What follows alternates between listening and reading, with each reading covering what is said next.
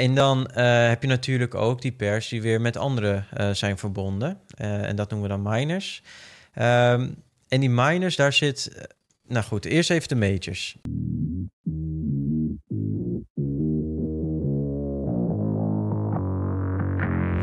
Welkom bij de FX Minds Trading Podcast. De afgelopen jaren hebben wij als individuele traders onze dromen waar kunnen maken. En sinds 2018 proberen wij onze passie voor traden te delen met iedereen die een betere financiële toekomst zou willen bereiken.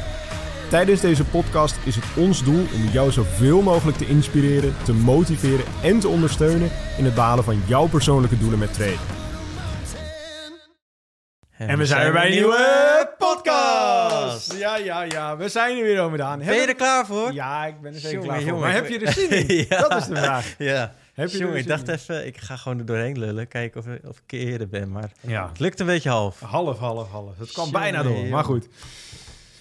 Maar we gaan inderdaad beginnen met de podcast. Maar wij kregen dus laatst inderdaad een vraag van een van onze leden. Van, hey, ehm, ik zag in jullie cursus zag ik iets voorbij komen van majors en minors en exotics en, en allemaal verschillende valutaparen. Want ik wil bezig gaan met forex traden. Ja. Maar ehm, hij vroeg, ja, hoe zit dat nou allemaal? En ja, toen had ik op een gegeven moment had ik eventjes uitgelegd van, nou, je, hebt, eh, je hebt majors, eh, dat zijn eigenlijk de, de, de, de grote valutaparen. Dan heb je de minors, die worden eigenlijk ja, ietsjes minder getraind, maar zijn nog wel degelijk. En je hebt exotics, nou, dat is eigenlijk al het, al het alle, alle overige troep, noem ik het maar eventjes.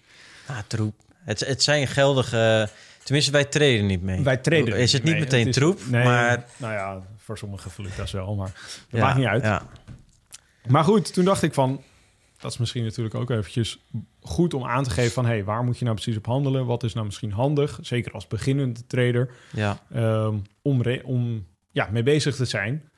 Dus ehm, ja, wat denk ja, jij? misschien eerst even duidelijk maken wat wat is. Dat is zeker. eh, Even duidelijkheid scheppen, daarna kunnen we wat meer de diepte in. Ja. Want anders gaan we de diepte in en dan... Snappen mensen Ja, niet waar we het dus- over hebben. Even, eh, ja, eigenlijk de majors, dat zijn echt de meest groot eh, ja, verhandelde eh, valuta-eenheden in de wereld, om Mhm. het even zo te zeggen. En dat zijn eigenlijk vooral alle pairs die zijn verbonden met de dollar. Ja, dus het gaat echt om valutaparen. Hè? Dus het is de, zeg maar, je hebt natuurlijk valuta's, dus de euro, de dollar, de pond, de yen, de, noem het allemaal op. Mhm. En een valutapaar is dus inderdaad een, een, een verhandelbaar product, om het zo maar even te noemen. Waarbij je dus de ene valuta tegen de ander verhandelt. Dus je koopt eigenlijk de een met de ander. Dus, Ja, dus je hebt euro, tegen dollar, elkaar als dan koop je de euro met dollars, om het zo maar even te zeggen. Ja. Dus dat. Maar goed, ik, ik ga verder. Nou goed, dus eh, dan heb je ook de miners. En dat zijn eigenlijk vooral de valuta-paren die minder worden verhandeld. En als ik het heb eigenlijk over handel, dan heb ik het natuurlijk over het traden zelf. Maar uiteindelijk wordt het ook heel erg bepaald door de, ja, door de wereldeconomieën, hoe die handel met elkaar drijven. Dus economieën, hoe die met elkaar samenwerken. Want bijvoorbeeld wij, Europa doet handel met Amerika. Amerika doet handel met, eh, met eh. Azië. Ja. Eh, zo, zo heb je ja, heel veel koersen die erbij komen kijken. En dat bepaalt uiteindelijk ja, waar de koers heen gaat. Ehm, dus als je dat dieper wil analyseren, wat bepaalde koersen gaan doen, dan kun je natuurlijk kijken van hey, wat doet Amerika economisch gezien? Amerika heeft bijvoorbeeld hele hoge schulden, maar doet het economisch qua handel ook wel weer goed. Ja. Dus dat zijn allemaal factoren die erbij kunnen helpen om een indicatie te geven wat een valuta gaat doen. Maar goed, een miner is eigenlijk dus een pair die wat minder wordt verhandeld. En ik, eigenlijk wil ik juist een beetje het, het toplaagje eigenlijk hiervan eh, aanraken.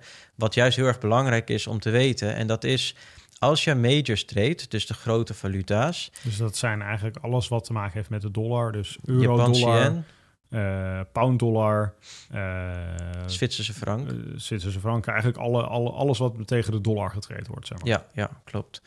En dan heb je natuurlijk ook die pairs die weer met andere eh, zijn verbonden. En dat noemen we dan miners. Ehm, en die miners, daar zit... nou goed, eerst even de majors. Om het even gestructureerd te houden. Majors, eh, die worden het meest verhandeld. De- hoe meer handel, hoe meer de, de, de markt stabiel is als het ware. Dus hoe beter je als trader je gang kan gaan als het ware.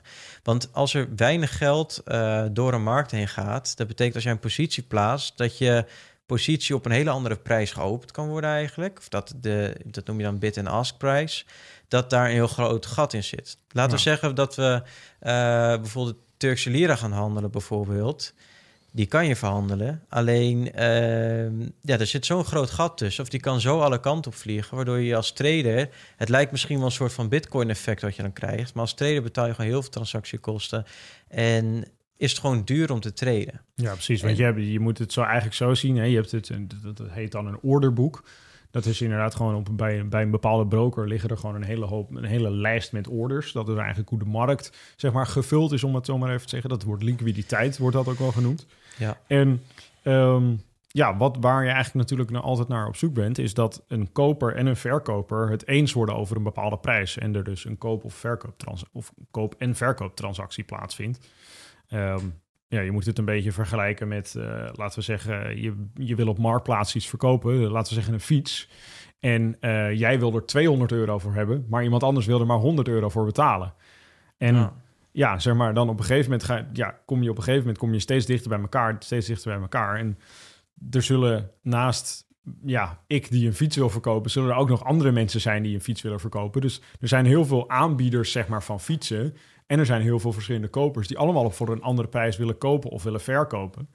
En hoe meer mensen er, hoeveel, ja, hoeveel kopers en verkopers er aanwezig zijn, hoe meer er aanwezig zijn, des te makkelijker het natuurlijk is om te gaan handelen in, in, in, die, ja, in die fietsen, om het zo maar even te zeggen. Want als er inderdaad, ja, maar laten we zeggen, inderdaad, maar twee uh, of één koper en één verkoper is en die zijn het niet eens over de prijs, ja, dan gebeurt er gewoon niks. Staat de markt en de prijs stil. gaat ook alle kanten op dan. Ja, precies. Kijk, als je een hele, eh, stel je voor, kijk, in Nederland hebben we zat fietsen.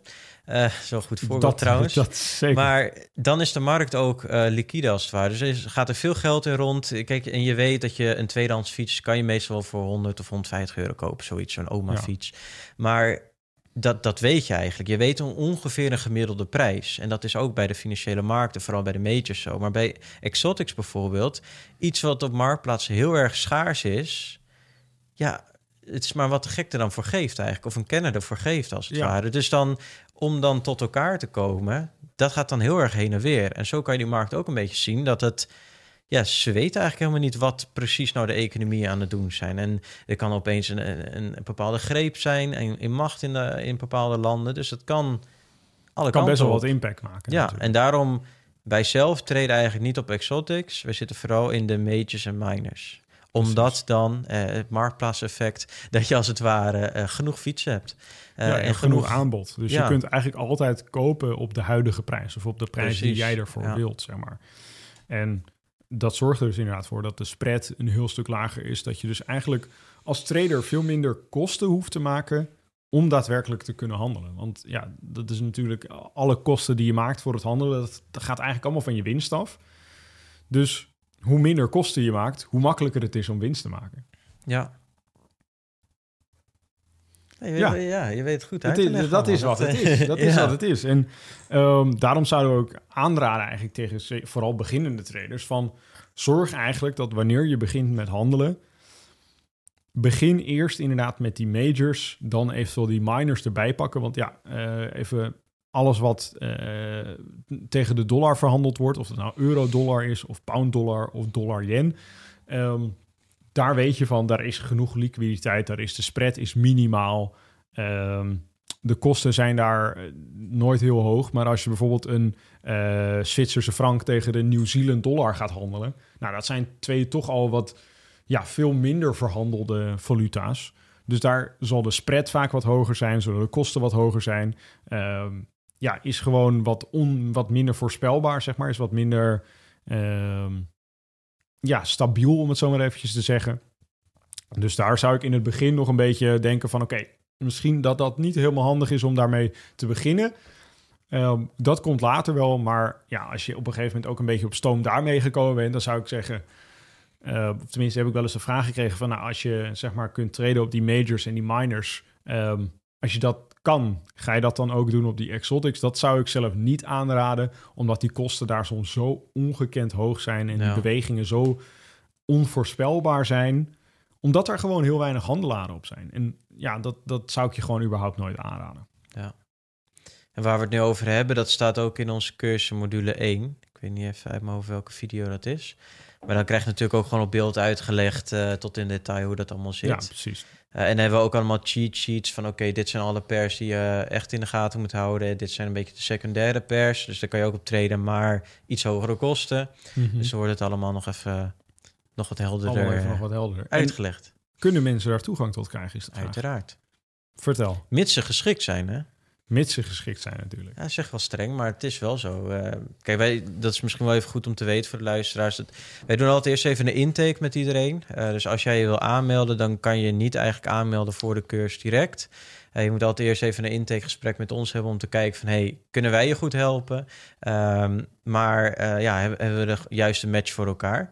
dus kan je dat zorgen dat het in de descriptie uh, komt? Ik zal even zorgen dat er een linkje, linkje, in de beschrijving komt waar mensen inderdaad uh, eventjes uh, die intake kunnen inplannen en dan inderdaad kunnen dat we even kunnen gaan kijken van hey ben je geschikt, ben je gemotiveerd? Dat is natuurlijk ook altijd belangrijk. Ja.